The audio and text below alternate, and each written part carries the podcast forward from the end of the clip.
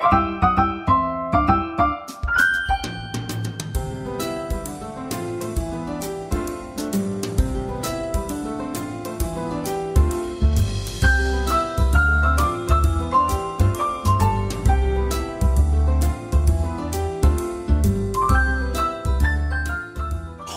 maats.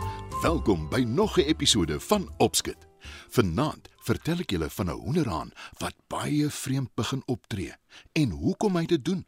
Skyf nader en lekker luister. Bloemeris is 'n baie gelukkige hoenderhaan. Hy bly op 'n plaas waar daar heelwat ander diere is. Die plaas behoort aan Tant Soekie en haar suster Tant Susaar. Bloemeris is altyd vriendelik en vrolik en al die diere hou van hom. Maar daar is een groot probleem. Elke oggend, dou voor dag, nog voor die son opkom, kraai Bloemeris kliphard om almal op die plaas wakker te maak. En menige oggend sê Tansuki: Die dag kom vinnig nader dat ek van die lastige haan ontslaa raak. Sy gekraaiery voordat die son nog op is, maak my gedaan. Dan Susaar lag net. Sy is al gewoond daaraan dat Bloemeris elke oggend kraai en sy geniet dit nogal om so wakker te word.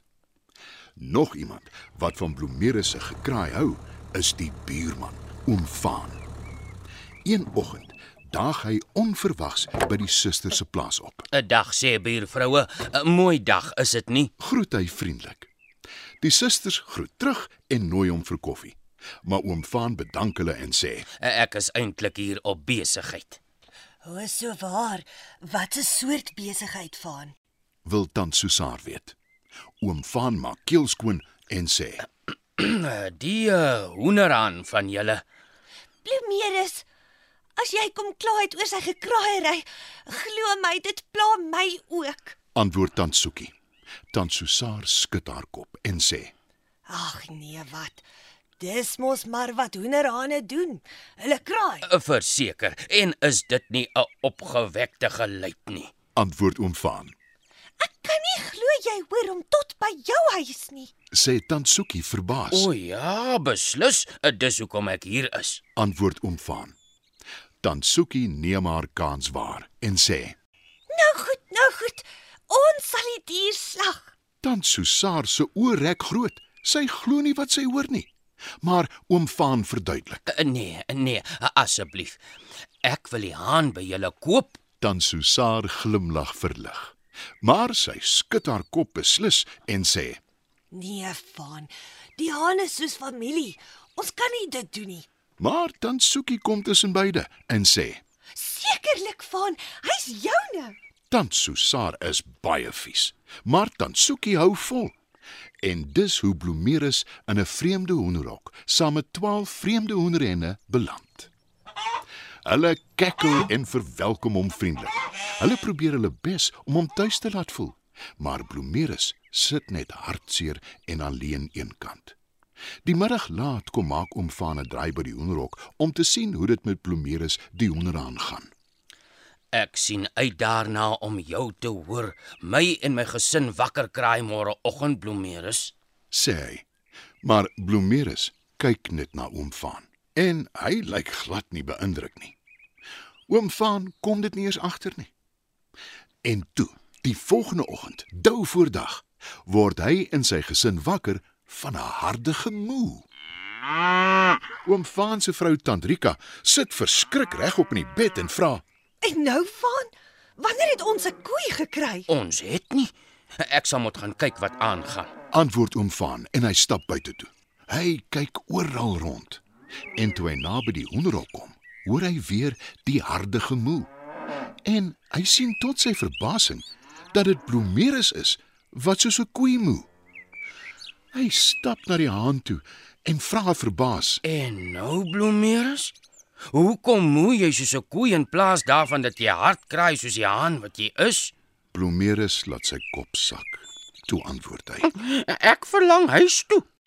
Oom Jan kyk verbaas na die haan en wil presies weet waarvan hy praat. Toe verduidelik Bloemeris. Ek verlang veral na my heel beste vriendin op die plaas. Haar naam is Eleanor. Uh, uh, die Eleanor Sy is nie dalk 'n koei nie, is sy? Wil oom Vaan weet. Ja, uh, sy is die heel beste en gaafste koei wat daar is. Antwoord Bloemeris. Oom Vaan skud sy kop ongelowig. Hy stap terug huis toe en vertel vir tant Rika wat aan die gang is. Maar dit maak mos nou nie sin nie.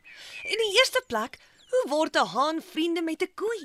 En in die tweede plek, hoe kry hy dit reg om te moe in plaas daarvan om te kraai? Ek verstaan dit glad nie. sê sy. Oom Vaan verseker haar dat hy dit nog minder verstaan en dat hy nie weet wat om nou te doen staan nie. Jy sal hom maar moet terugvat. Stel Tandrika voor. Maar oom Vaan wil niks weet nie. Dit sal hom heeltemal te skaam laat voel, erken hy. Hy sal eerder 'n lang gesprek met die hoenderhaan hê en probeer om hom tot ander insigte te bring. Hy voeg die daad by die woord en stap weer na die hoenderhok toe. Jy het 12 pragtige henne om jou geselskap te hou. Ek sê nie jy moet van jou maat Eleanor vergeet nie. Probeer eerder net vriende maak met die henne en probeer tog asseblief maar kraai. Pleit oom Vaan. Maar Bloemeris die hoenderhaan wil niks weet nie.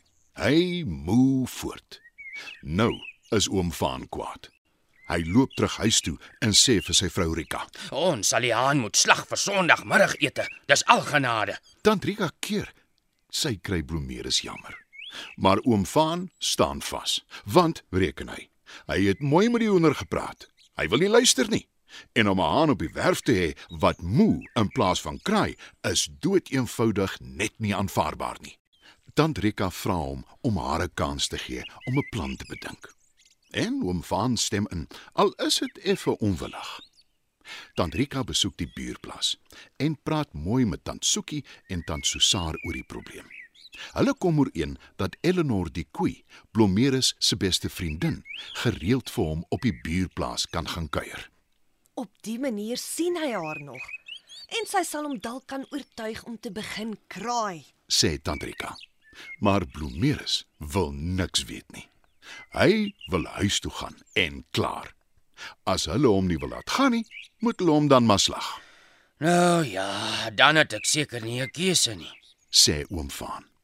En hy vat Bloemeris terug na sy twee buurvroue se plaas toe. Daar aangekom, is Eleanor oorstelp om hom te sien, Ek het na jou ook verlang, Bloemeris. sê sy. Dan soekie sug gelate. En Bloemeris die hoenderhaan kraai hard en lank. Daarna kraai hy elke oggend soos klokslag. En oom Van moet maar in die verte nou na hom luister.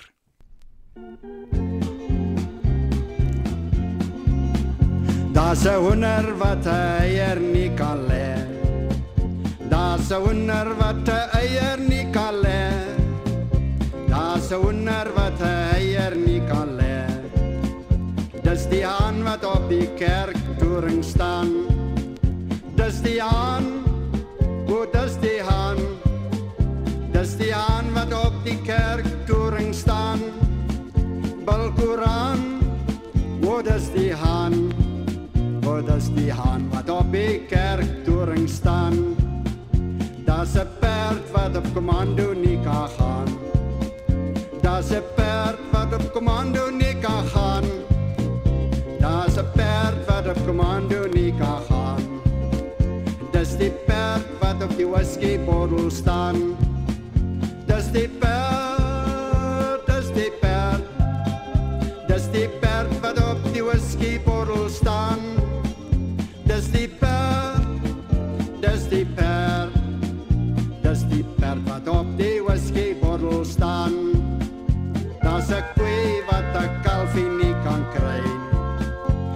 Saco